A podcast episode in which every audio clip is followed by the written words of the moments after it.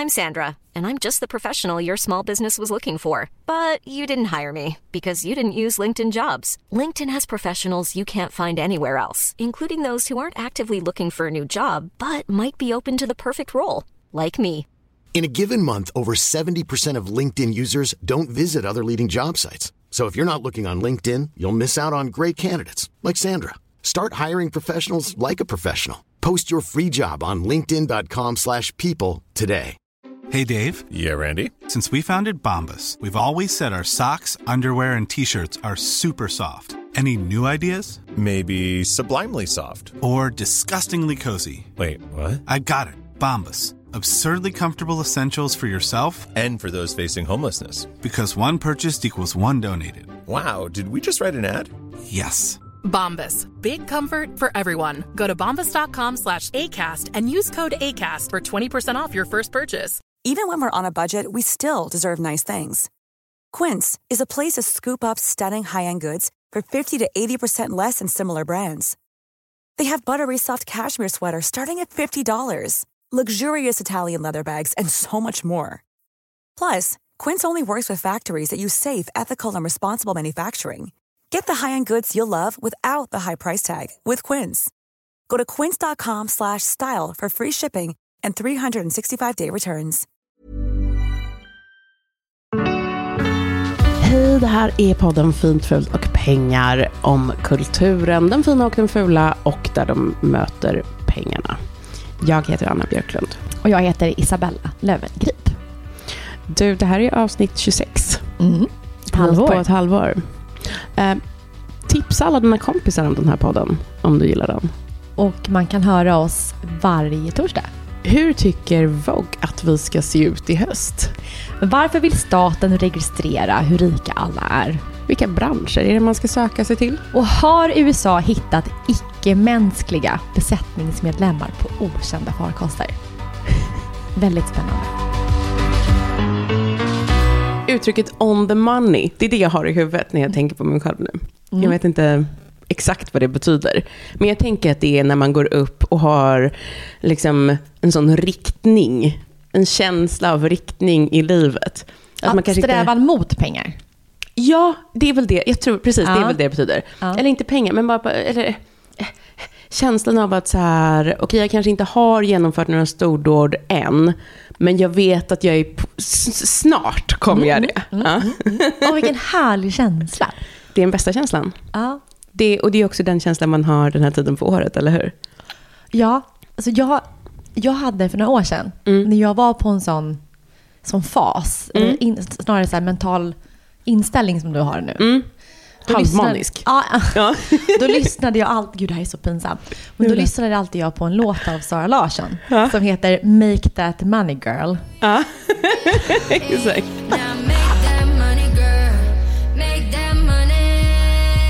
Så den låten spelade jag typ på väg till möten och ja, nu kör jag. Mm, mm.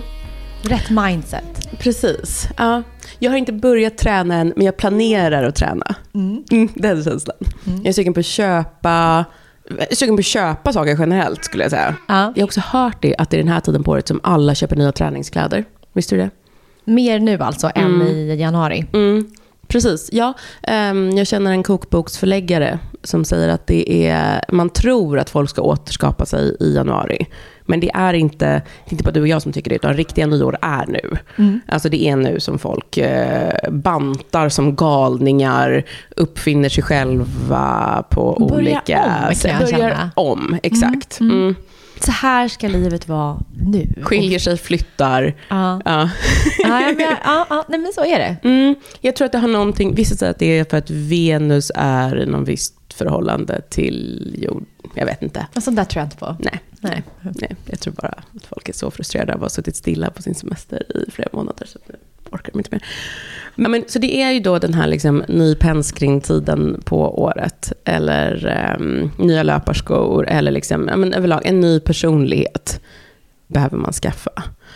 Och då behöver man ju eh, en katalog för att välja vilken personlighet man ska ha. Ja. Eller hur? Vilka personer det finns, vilka det finns att välja på. Liksom. Och då, eh, alla tidningar ger ju ut sitt septembernummer nu. och kvinnor världen över kan då få sin inspiration, kanske vi ska kalla det, eller eh, indoktrinering skulle andra säga, eller eh, i alla fall liksom förslag på hur man ska vara. Och, och vad man ska köpa och vad man ska gilla och bry sig om och tänka och så. Och det är liksom, jag säger inte det sarkastiskt, för jag brukar rusa till affären när de tidningarna kommer. Ja, Men det sätter liksom prägen på hur man ska vara och se ut och vilken känsla man ska ha genom hösten sen. Ja, precis. Ehm, och det, jag, jag har liksom känt så sedan jag var barn. Alltså det, det är någonting... Alltså, mm, jag blir glad. Ja. Så att, ska vi prata lite om då, vad, vad står det i The September Issues? Eh, eller vad är omslagen? För det är allt jag sett hittills. Vi kommer till varför. Men ehm, hur är det i år? Vem ska man vara i år? Vad säger amerikanska Vogue? Kanske du undrar. Jag såg någonting Mm. skymta förbi, om du pratar om omslaget. Ja, exakt. Fyra kvinnor i svarta kläder. Mm. Eh, inga särskilda kläder, måste jag säga. Alltså det var inte så att alla har kostym på sig, eller alla har burkar på sig. Alltså det är inget statement, utan de har bara lite olika random svarta kläder. Ehm, och det är då Cindy Crawford, Naomi Campbell, eh, Linda Evangelista och Christy Turlington. Jag blev glad när jag såg det här. Kanske glad. Alltså, Ja. su- Supermodeller för de som inte känner igen namnen. Liksom. Ja, liksom the supermodel. Ja, precis. Och det här är då någon slags så här, um, um, åt, de har en, en revival för de, de fyra och en femte som dog tidigare i år. Mm, Lite konstigt. De var på omslaget för 33 år sedan. Ehm, så att de har liksom gjort om det nu. Jag kände kanske att det var det tråkigaste jag sett. Varför det? blev det ingen inspiration, utan det blev bara en, så här, Nej, men- en upprepning av någonting vi Ja, redan vet? Eh, Exakt, men dels känner jag att den här supermodell-revivalen har hållit på halva vårt eh, liv. Ehm, Och den har aldrig lyckats riktigt. Alltså inte för mig. Nej. Jag, för, Nej, de blir aldrig kända på nytt och får den här... De betyder inget för mig. Nej, exakt. De har, inte, de har inte kammat hem statusen tillbaka på något sätt. Nej, precis. Eller de har såklart kanske en status, men, men på, ett som, på en, liksom en... men Inte en 2.0-era. Nej, precis. Jag tänker på det som Anna Wintour eh, har sagt, att to be in Vogue has to mean something. Mm. Vad betyder det här då? Ja, men det har du rätt i. Det betyder ingenting. Men är det någon spännande intervju i, i tidningen, eller? Jag läste om den, det var ju bara så här att, eh, ja, här är de, liksom, världens vackraste kvinnor. Ah, Okej, ja, de bryr sig, tänkte jag. Alltså, Någonting jag reagerar på i alla fall, det var, självklart har de här vackra kvinnorna ja, men lite botox och lite fix och så här. Mhm. Såklart. Ehm, men jag kan ändå tycka att man ser fortfarande deras utseenden. ja, För jag jämför just med den bilden som är 33 år gammal. Mm. Och jag, i den här världen där alla ser ut som katter, alla kvinnor, så känns det ändå skönt.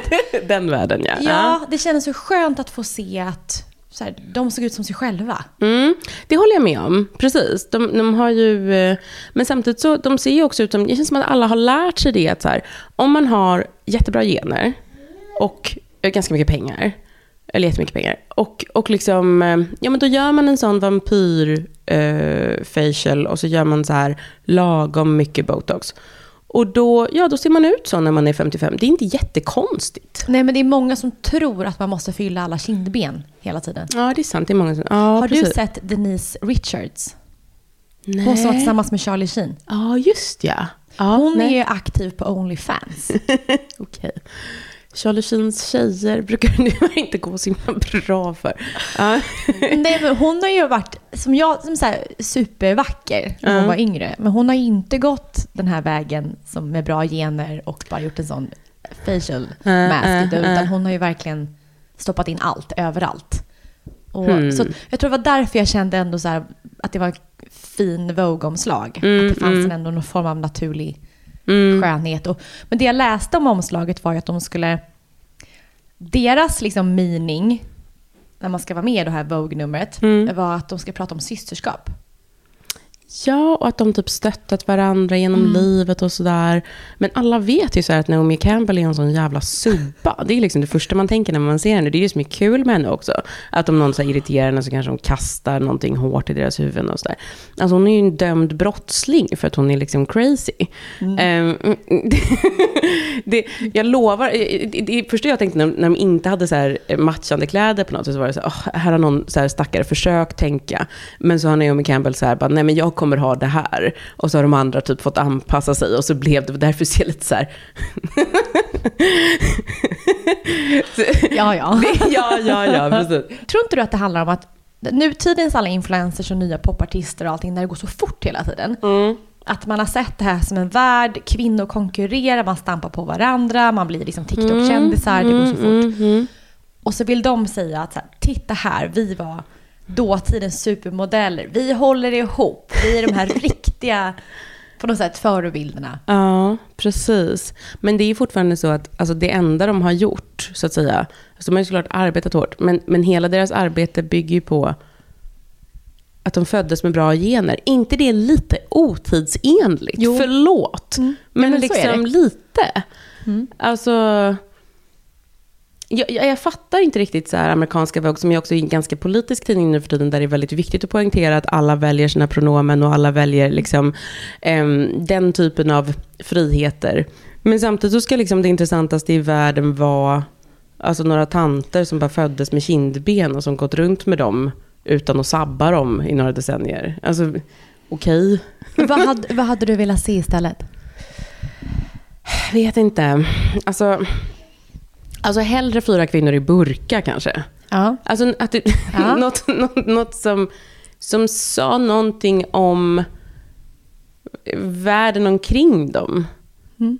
Det försökte ju skandinaviska Vogue göra. Mm. Mm. De hade då Pernille Tisbeck, eller vad hon nu heter. Pernille i alla fall, på omslaget. Ehm, utan kläder alls i och för sig. Men med då en stor, vacker, naken gravidmage. Ah, man är trött på. Ja, där kände jag också så Inget här... nytt. Nej, alltså det, här, det, det betyder ju ingenting, eller det kanske betyder någonting från början, men nu har vi ju sett det liksom på Instagram varje dag i ett år. Eller två, eller vad det är. Gravidmagar Ja. och nakenhet. Nakna, eh, Det här precis. sexiga gravidmag. Naken, sexig, gravid. Vilket Ja. är jättekonstigt. Det, ja, och det är liksom också så här, okej, om det ska mean something då. Okej, så här, ja, kvinnor och barn, det är vackert och sådär. Ja, okej. Och- Men, men hon är också naken. Det är, det är en tidning, alltså, det passar så dåligt med den här septemberkänslan när man är rusig, eh, sugen på att liksom, rusa ut och köpa saker. Man känner liksom så här, gud vad jag behöver nya kappor. Inte en bar överkropp liksom. Nej, jag håller med. Det var lite konstigt val. Jag känner också personligen så här att ja, absolut, graviditet, hmm. Är det liksom... Det är väl fint och så, men, men är det det jag ska vara igen? Ska jag vara, ska jag vara gravid igen och bara vara trött och sur? Det är inte den stämningen jag vill ha. Trött, trött, sur och naken. Att det är liksom hösten 2023, att det ska vara så här, ja, sugen på en tupplur. Det hade varit mycket mer i tiden, som du sa, att, att göra någonting mer politiskt på omslaget. Mm. Eh, på både skan- i Skandinavien, alltså skandinaviska Vogue, men också den amerikanska. Mm. Att man, för det händer ju... Alltså vi har aldrig någonsin, eller ja det har vi, så säger väl alla ge- generationer. Men vi är i en tid i, i liksom vår värld där det händer väldigt mycket saker. Eller hur? Ja! Så det borde vara så lätt att kunna plocka saker och ting. Ja. Allt ifrån så här, iranska kvinnor, Ja, eh, ja från revolutionen Mm. tidigare. Eh, Ukraina, alltså det finns hur mycket som helst som, Mm. vi kan, som vi kan ta av.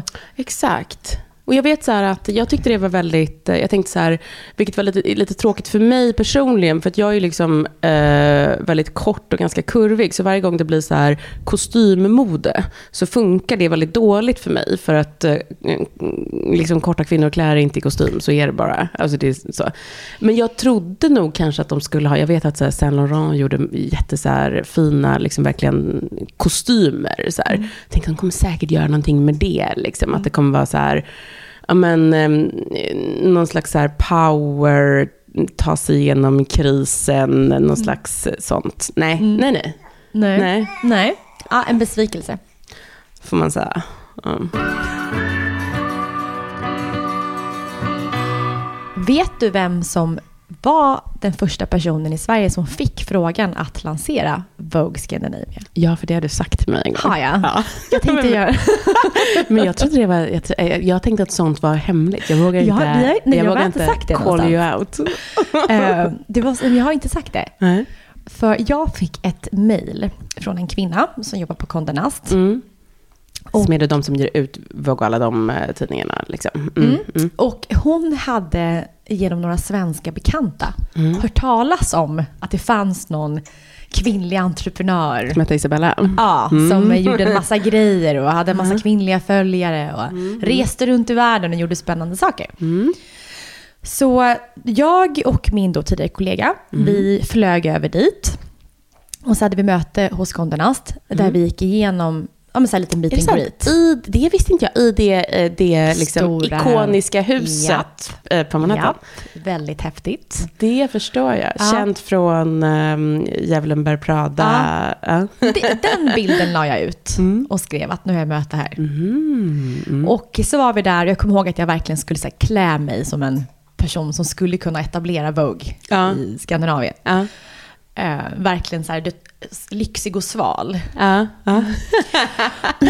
Och, eh, och sen så var det jättetrevligt möte. Sen nästa gång så flög de över till mig, för då skulle vi fortsätta möten i Sverige. Mm. Och då var det så passande med mitt flashiga hus. ja, det förstår jag. Mm. Så jag tog in eh, kocken som jag jobbade med där. Ja. Så, eh, så Kocken kock- som du jobbade med, alltså din anställda kock. Ja, min anställda kock. Men, ja. Så hon var där och så kom då Vogue-gänget dit. Och så åt vi middag och skålade för liksom fortsatta diskussioner. Um, och där då så var det mycket prat om att skulle vi göra Vogue Scandinavia på engelska eller skulle de vara svenska? Mm. I och med att det är så många som förstår svenska. Um, eller Norge, Norge i alla fall. Mm, Danskarna just hade väl inte varit så, så Nej, glada nej. kanske. Um, så att planen var att vi skulle få igenom det här. Mm. Um, varför det satte stopp att inte jag och min dåvarande kollega gjorde det, det var för att det skulle bli för dyrt. Ja. Det är att när man då tar som en... en em, eh, Det är som ett franchise, eller hur ja, funkar det? som en, eh, alltså du tar en licens på att få sälja. Mm. Och då ska x antal procent, ska, ja, försäljningen ska hela tiden gå tillbaka till liksom, Mm. moderskeppet. Mm, mm, mm. Eh, och eh, när vi började räkna på det så inser vi att det här, vi måste, man måste punga in väldigt mycket pengar som en investering. Mm. Eh, och se det här lite grann kanske som att det här kommer aldrig bli någon ekonomiskt... Det här är någon slags flaggskepp för någonting, eller? Ja, för att det är kul, det är mode, det är prestige, liksom fjäder i Ja. hatten och gå runt och kunna åka runt på alla mässor runt om i världen, modemässor Mm. och säga så här, jag äger Vogue Scandinavia. Precis, just det. Så jag är lite sådär nyfiken på siffrorna, för idag, sen var det ju Martina Bonnier. Ja, exakt. Ja, och det var tanken att det skulle vara som det är nu, alltså att det är just, det tyckte jag var väldigt smart när det kom, alltså det var just Skandinavien. Ja. Ehm, att den kommer ut i alla länderna, för att jag antar att det inte finns så många läsare per, alltså det skulle inte, Vogue Sverige skulle inte, det skulle inte, publiken räcker inte till. Men, men, eh, men även om man har hela Skandinavien då som liksom område, räcker det till nu tror du? Det är det som jag, jag är så nyfiken på. För att Ja. det som är så bra med Martina Bonnier är att hon gör tidningen väldigt bra. Mm. Eh, och hela, med allt de gör rent grafiskt och texter, jag är jätteimponerad över nivån. Mm. Och jag är så glad över att det är hon som gjorde det och inte jag, för det hade inte varit lika bra. Förra omslaget var fan hemskt, den här stackars det finskan. Nej. Nej, det var den här stackars finskan som de hade i, i något så här hm samarbete Och jag tyckte så synd om henne, för jag, tänk, om, tänk om du hade fått frågan att vara på omslaget av, av och det ska också vara den första, så här, den första finska tjejen Mm. på omslaget. Och så sätter de på henne den där jävla våtdräkten, eller vad fan det var. Jag, Jag missade det. Ja.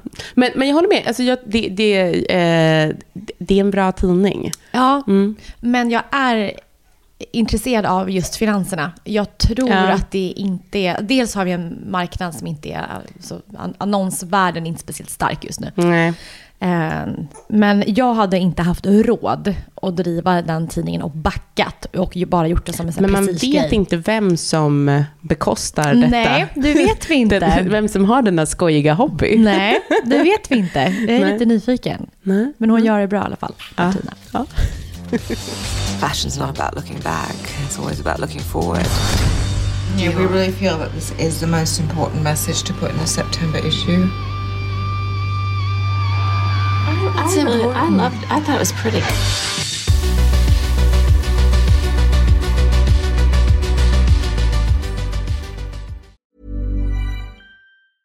I'm Sandra, and I'm just the professional your small business was looking for. But you didn't hire me because you didn't use LinkedIn jobs. LinkedIn has professionals you can't find anywhere else, including those who aren't actively looking for a new job but might be open to the perfect role, like me.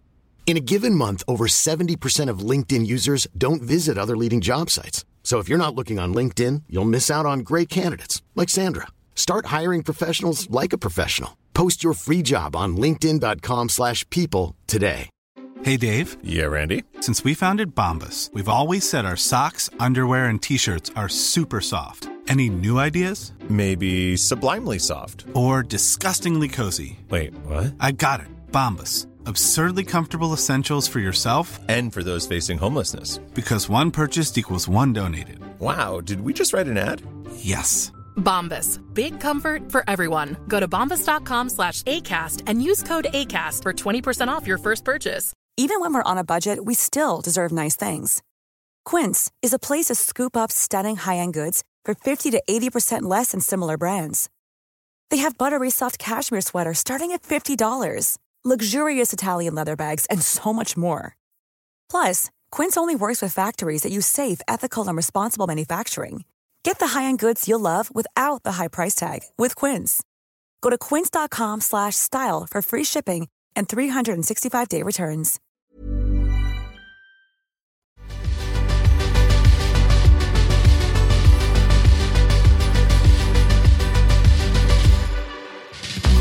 Jag läste en text av Ann Heblein, som är författare och doktor i filosofi, typ. Kanske? Jag, jag har alltid haft svårt för henne.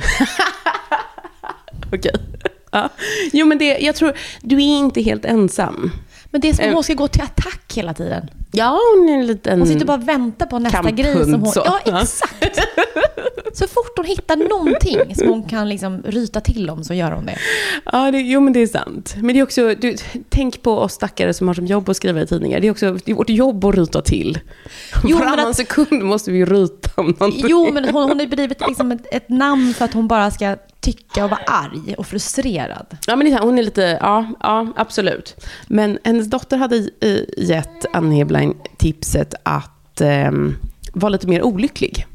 Mm. För att då gillade folk henne bättre, Ja. hade hennes dotter sagt. ja. berättar Ann Heblein. Ehm, och då skrev hon en text där hon räknar upp hur olycka och ångest är så bra material för kultur och medieskapare, eller för berättelser i det offentliga. Jo, men för alla som skriver eh, musik och eh, Ja, kunna, ja få precis. inspiration av jobbiga händelser. Ja, men också så själva berättelserna. Liksom. Att man vill höra om folk som mår dåligt. Eller, det, alltså, jag håller ju liksom med. Nu till exempel när det varit, eh, alltså även berättelser i det lilla, när det varit semester nu och typ alla ens flöden bara varit så här, bilder på glada barn och folk som äter sallad och skrattar. Alltså, det, det, är ju, det är ju inte så skoj. Nej. Eh, Nej, men så är det. Alltså det är väl bra och så. Det är därför vi inte har några så mycket positiva nyheter som fladdrar förbi i flödet, utan det är allt bara allt hemskt som händer ja, överallt. Precis, precis.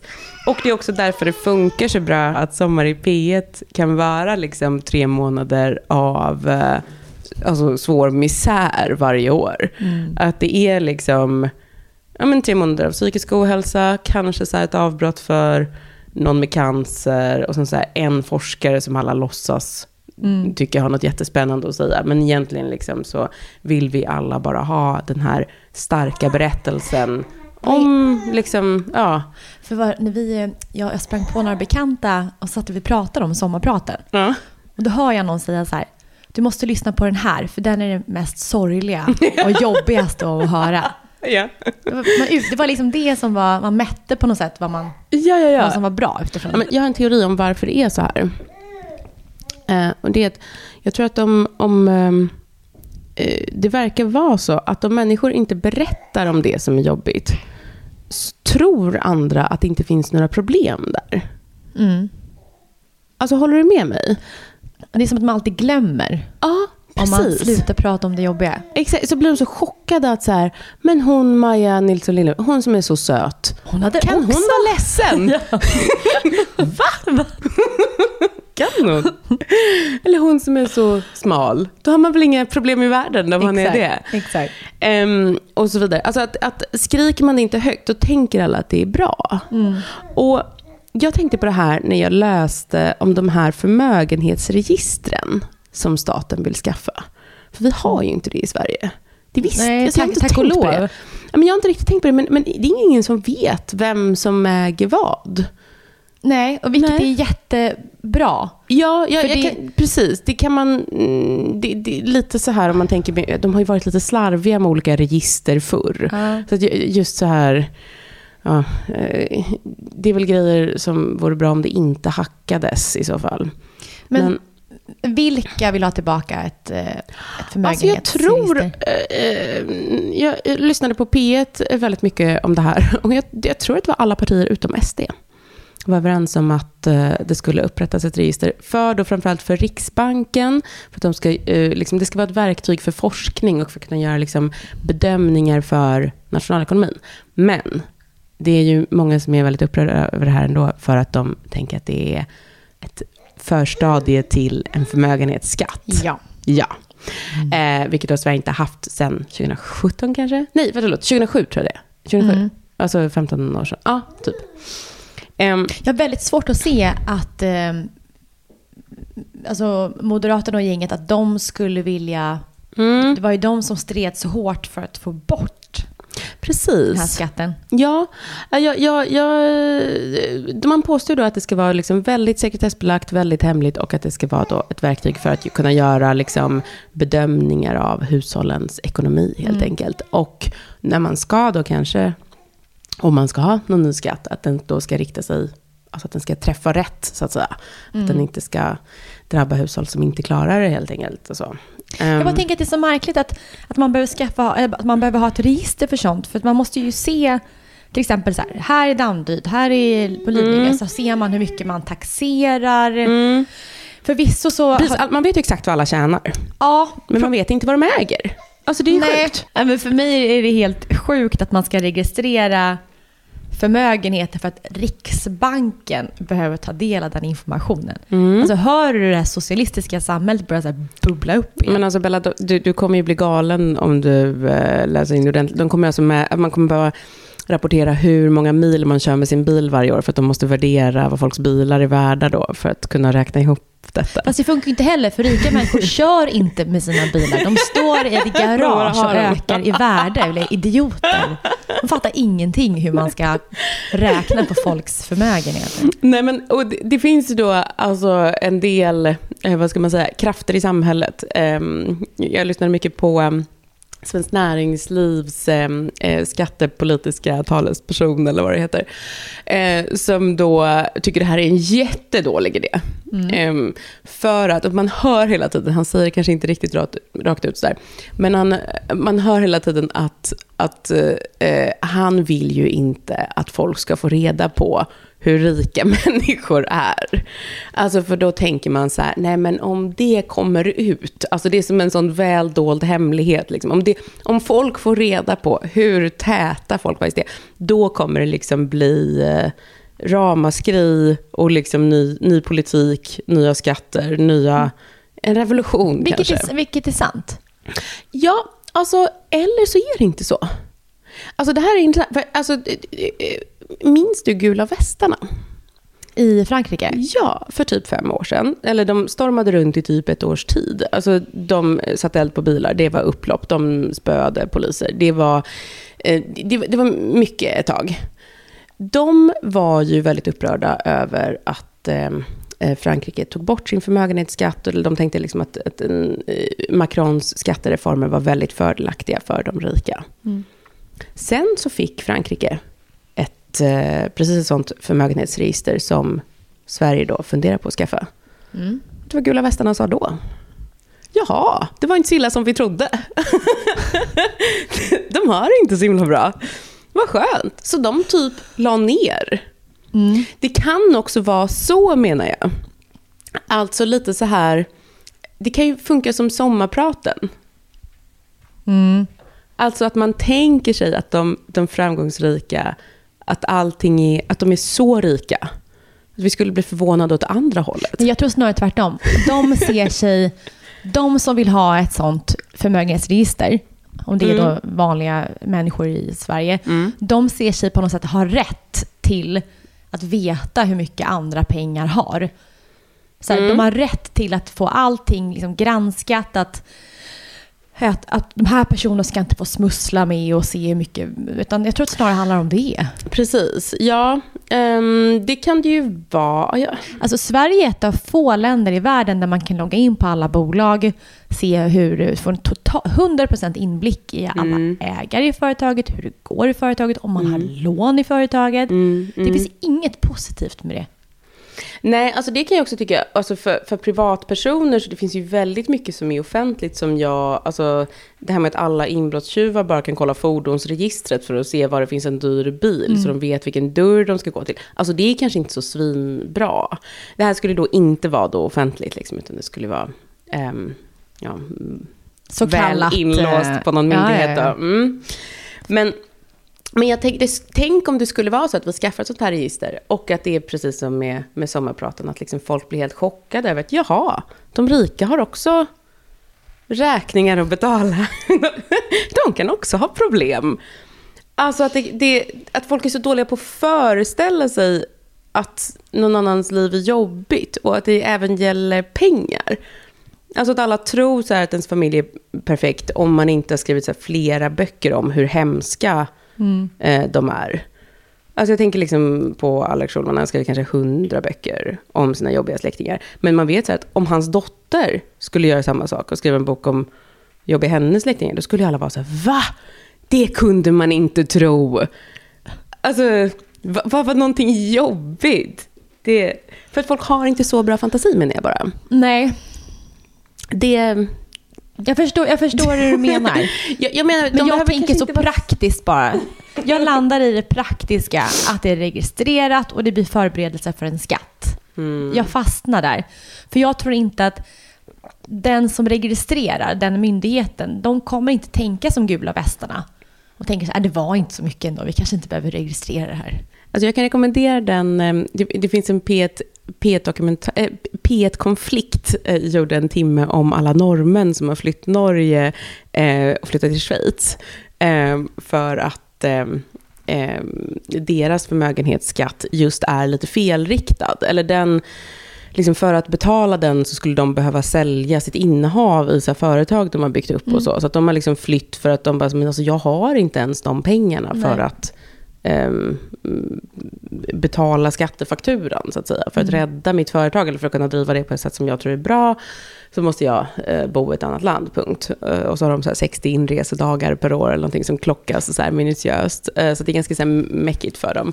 Men, men de, ja... ehm, tycker att det är värt det också som någon slags så protest mot eh, den lagen som är då fel.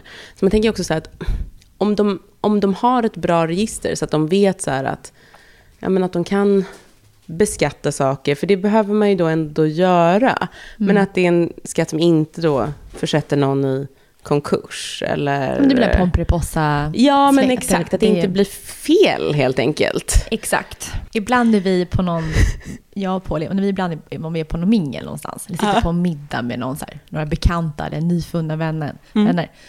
Alltså, snart kan jag och Paul göra ett bingo. För att nu börjar vi märka att det är ganska fler och fler män som alltid skämtar om så här, "Va, vad jobbar du med då? Så bara, nej jag är skatteflykting. Att det har liksom blivit en grej. Att det är ett skojigt ord. Nu att man är typ lite stolt över Ja, ja. att man är utskriven ibland, men så måste man komma tillbaka eller hålla sig undan från Sverige eller vara här några extra dagar hela tiden. Men de möten man har är med sina jurister som berättar hur man ska ducka. Ja men typ. Man ska betala juristerna istället för att betala Exakt. staten. Mm. Så häromdagen, den sista skatteflyktingen som jag sprang på, han befann sig på Åland. Okej. Har Finland lägre skatter? Jag vet inte.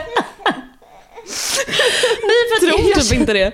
jag känner att jag vill inte gräva i det samtalet. För det är vår konversation stannade vid jag sa så här, jaha, vad ska du göra någonstans? Eller vad ska du göra någonting i sommar? Han sa, nej jag måste åka, åka till Åland ett tag för att jag är skatteflykting. Så var det inget mer än Han så. bara hittar på, han ska på semester, men han kallar det för att han tycker att det låter coolt. Så var det säkert.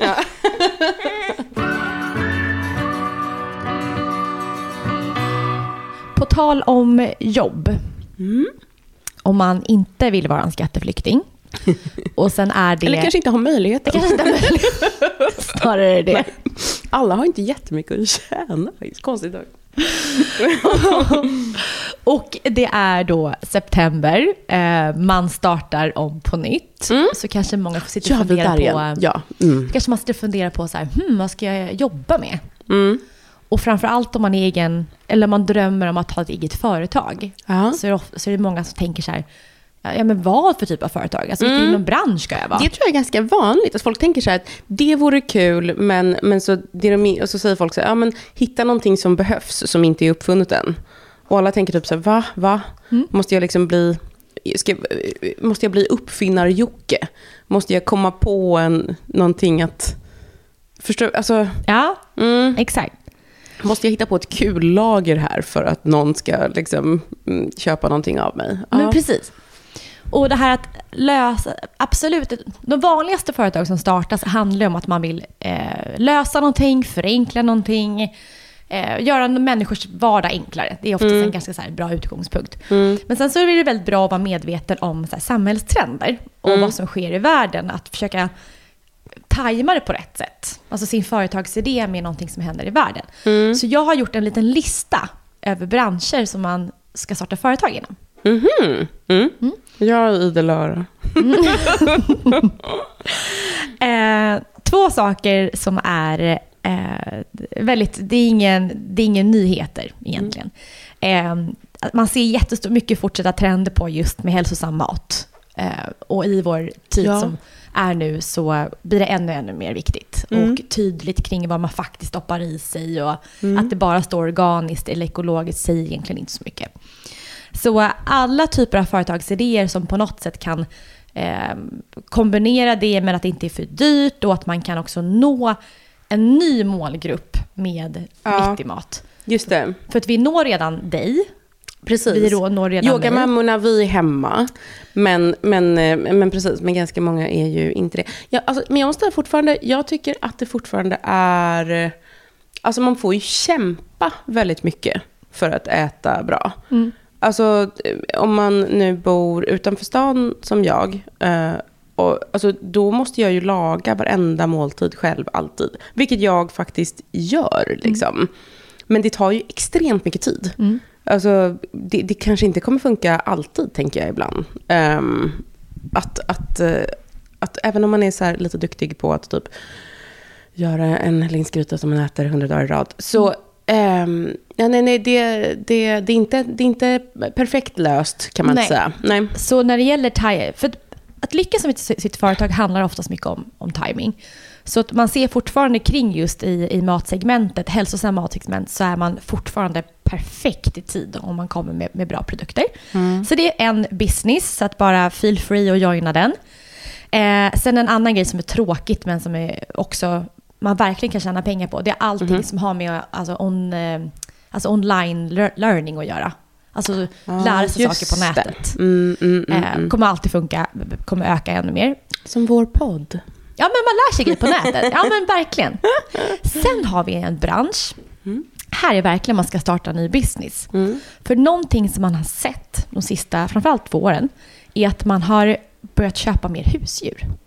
Va? Är det sant? Så jag läste... det, det har ju folk, vad ska man säga, det har ju ingen gjort länge. Jag brukar, eh, kommer du ihåg hur det var på 90-talet? Nej.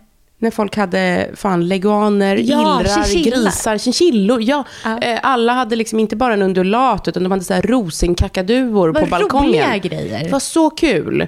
Jag hade allt jag fick ha. Du vet, men det var ökenråttor, det var liksom konstiga hamsterraser. Folk hade liksom... sen, så, sen så har ju det så här... eh, Det, det har ju försvunnit. Vart tog alla minigrisarna vägen? Exakt. Men nu är de tillbaka säger du? Ja, så att det man såg, jag läste från Agria, eh, så då såg att små, man har, förra året så ökade köp av smådjur med 30%. Och det är ju hamstrar och allt sånt. Hästar har ökat med 20%, hundar Oj. med 17% och katter med 14%. Jävlar. Och så att vill man in i en bransch så tänk allting som kommer när många köper husdjur. Alltså vad behövs ja. när många husdjur? Mm, när alla de där labradorerna får höftproblem eh, om eh, en månad. Mm. Ja, de måste säkert äta ännu bättre mat och eh, sjukdomar och allting som Ja, kan ja. inträffa. Ja, ja. Eh, fler typer av djurförsäkring, allt möjligt. Mm. Så det är också en väldigt bra bransch. Eh, sen har vi nästa och då är någonting vi ser som finns i många, typ Kina och Indien, är sälja luft på flaska. Åh, men det var tråkigare tycker jag. Mm. Och här ser jag Men en, i Sverige är väl det ändå lugnt? Jag ser här en exportmöjlighet. Tänk dem en familj som Ja. bor typ norrut i Sverige. Mm. Eller är det Roslagen? Eller någonting som bara låter så här friskt. Alltså riktig lappluft. Ja, men, och så börjar man Skicka samla. till Hongkong. Exakt.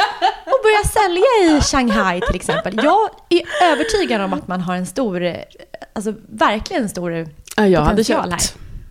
Ja, men jag, det är precis som man köper så här, idioter som köpte vatten från Fiji. Så här Fiji-vatten. Ja, just det. Det gjorde de ja. Rika människor i... Luft är ändå, det väger ju mindre, det är lättare att transportera. Ja.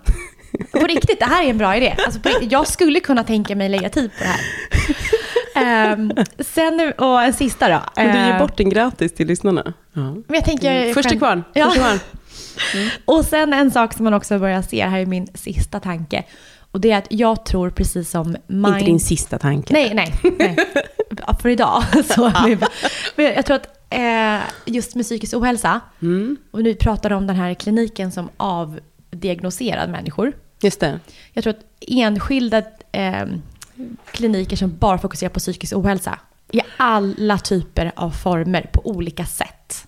Ja, Kommer att behövas alltså, mer. Precis, det har jag eh, faktiskt också tänkt på. Det är väl lite det som så här, kanske så här privata terapeuter kan vara hos ibland. Men, men liksom en, en um, um, någonting som är så här kanske lite, vad ska man säga, som kan hjälpa folk som mår dåligt eller har problem på olika sätt, men som inte är en del av vården. Alltså Ja. typ så här, var egentligen lite så här eh, jourhavande vän, släkting. Alltså lite så. Som en dola i livet. En, en dola i li... Exakt. Någon att hålla i handen när det är lite jobbigt. Mm. Ehm, precis. Också som den här podden. Ja.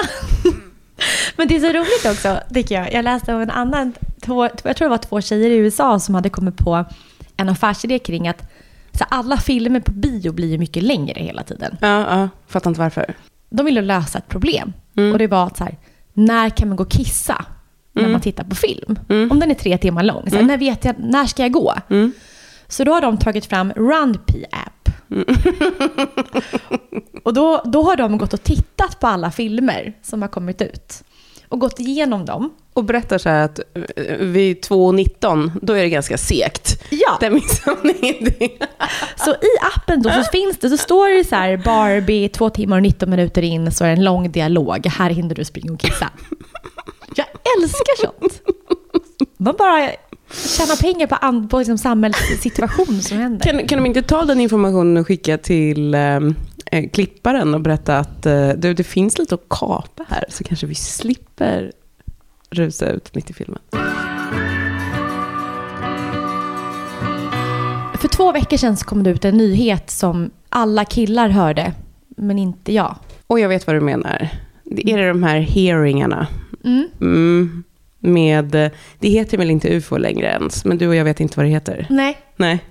det vet jag faktiskt inte. Det var tre har- bokstäver som jag inte fel kön. Ja, det är tre nya bokstäver, exakt. Det finns ett, ett officiellt ord för UFO. UFO är, det är bara lekmän och tjejer som använder det. Mm. Mm, det, det är, ja. Men, men i alla fall, för några dagar sedan, då tog jag verkligen så här, till mig till alla de här artiklarna som Paul hade skickat till mig. Mm. Och, men då var det faktiskt intressant. För, att, för eh, nu är det många som har lyssnat som har hört det här. Men jag vill ändå så här, upp det här kring att... Så här, man, man vet att ufon finns. Absolut. Men jag fattar inte, varför är det bara eh, i USA det sker? Och varför är det bara Pentagon? Eller har Sverige också ett ufo-arkiv som vi har mörkat? Mm. Jag, jag, Allt sker alltid i USA. Ja. Alltid i USA. Men, men om man bara ska så här, summera vad ja, som har hänt. det. Ja. Det som har hänt är att det finns en man som heter David Grush. Han eh, är då tidigare, tidigare underrättelseofficer. Mm. Och han har nu under ed ehm, fått prata då med, eller det har varit en hearing då med kongressutskottet i USA. Eh, där han då har vittnat om, eller snarare så här, fört andras talan och vittnesmål om att det faktiskt eh, har landat eh, alltså farkoster och man har tagit in och analyserat alltså icke-mänskliga varelser. Non-human. Mm, mm. Och, och då ty, alltså enligt honom då, eh, så har USA haft 12 kraschade icke-mänskliga farkoster. Eh, och besättningsmedlemmarna har då USA eh, tagit sig an. Hmm. Eh, och, Besättningsmedlemmarna. och en av de här farkosterna ska vara lika stort som ett fotbollsplan. Så att det har hänt Men va? det här är, så att om det här stämmer så är det här vår tids liksom största nyhet. Men vi har inte fått det bekräftat än om det är så här eller inte. En fotbollsplan? Så det är ändå så, så att om det, alltså nästan så här vart än det landar liksom. Om det, om det, är, alltså om det ändå är på, vad ska man säga, i bebodd mark. Ja. Att det inte är på liksom Arktis. Så borde ju jättemånga ha sett det då. Och det är lite märkligt för att alla vittnesmål man har sett från folk som har filmat och piloter som har kameror på sina Mm. eh, flyg och så. Alla är så grumliga. Och det är också det som jag tycker är så konstigt över att hur alla bilder alltid kan vara så dålig kvalitet. Ja. Alltså våra satelliter kan ju ändå så zooma in på en så här Foodora-bil på gatan. Ja. Eh, så det är lite konstigt. Men, Ja, det är lite konstigt tycker jag också. Ja. men, men jag tänkte på en sak. Tänk om, tänk om det skulle komma liksom en, en, eh, ett UFO, eller ett skepp och så kommer ufosar ut liksom Mm. på amerikansk mark någonstans. det är alltid någon majsbondes fält någonstans. Ja, jag Mm. tänkte precis säga det. och så går den här ufon fram till majsbonden. Mm. Och så säger han så här i USA. Så här, Take us to your leader. Mm. Och då tar de den här, hon, dem till Joe Biden. alltså de måste tycka att vi människor... Så sitter och pratar med en krukväxt. Eller vad man liksom, han bara, ja, ja, okej. De måste tänka vad det är för fel på människor som har ledaren är en skruttig gammal gubbe. Som inte kan gå själv. Typ. Nej, usch. Kanske därför vi har blivit ghostade, för de kommer ju inte tillbaka. Men jag är så glad ändå, för att under årens gång så har jag ibland sett han som är ordförande för UFO Sverige, för den organisationen. Vet du vad? Mm. Jag har träffat honom. Är det sant? På typ stål? På Nej. bokmässan. Ja. Och, och jag är så glad för att, tänk dig vad glad han måste ha blivit när det här kom ut. ja. Precis, jag träffade honom tillsammans med Erik Skylt på bokmässan förra året. Han kom fram och eh, eh, det var så himla uppenbart att han insåg så snabbt att han hade så lite att hämta från mig. Alltså han såg liksom bara, bara jag frågade så jaha, så vi presenterade oss. Och han bara, ja men jag är från UFO Sverige, så här, hade någon namnskylt och så. Han var på väg till något UFO-seminarium. Och, eh, och det, det var liksom, alltså jag fattade ju först inte om han skämtade, visste inte att organisationen fanns. Alltså jag kände mig som en så dum brud. Eh, och han märkte jag var så otroligt van vid att det är så dumma brudar är. Så jag blev bara lite ledsen av det. Jag kände så att jag gjorde både honom och mig besvikna. Nej, men du, du, har, du har övertygat mig. Jag ska, jag ska lära mig, eh, jag ska lära mig ufon. Ja du, var det här fint fyllt av pengar? Ja, det var det. Och ehm, Ja. ni kan höra oss varje torsdag. Det tycker jag är väldigt bra. Hej då!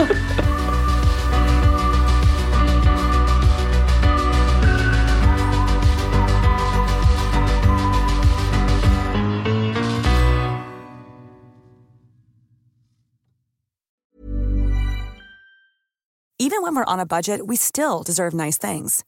Quince is a place to scoop up stunning high-end goods for 50 to 80% less than similar brands. They have buttery soft cashmere sweaters starting at $50, luxurious Italian leather bags, and so much more. Plus, Quince only works with factories that use safe, ethical, and responsible manufacturing. Get the high-end goods you'll love without the high price tag with Quince. Go to quince.com slash style for free shipping and 365-day returns. Imagine the softest sheets you've ever felt. Now imagine them getting even softer over time. That's what you'll feel with Bowl and Branch's organic cotton sheets. In a recent customer survey, 96% replied that Bowl and Branch sheets get softer with every wash. Start getting your best night's sleep in these sheets that get softer and softer for years to come. Try their sheets with a 30-night guarantee. Plus, get 15% off your first order at bowlandbranch.com. Code BUTTERY. Exclusions apply. See site for details.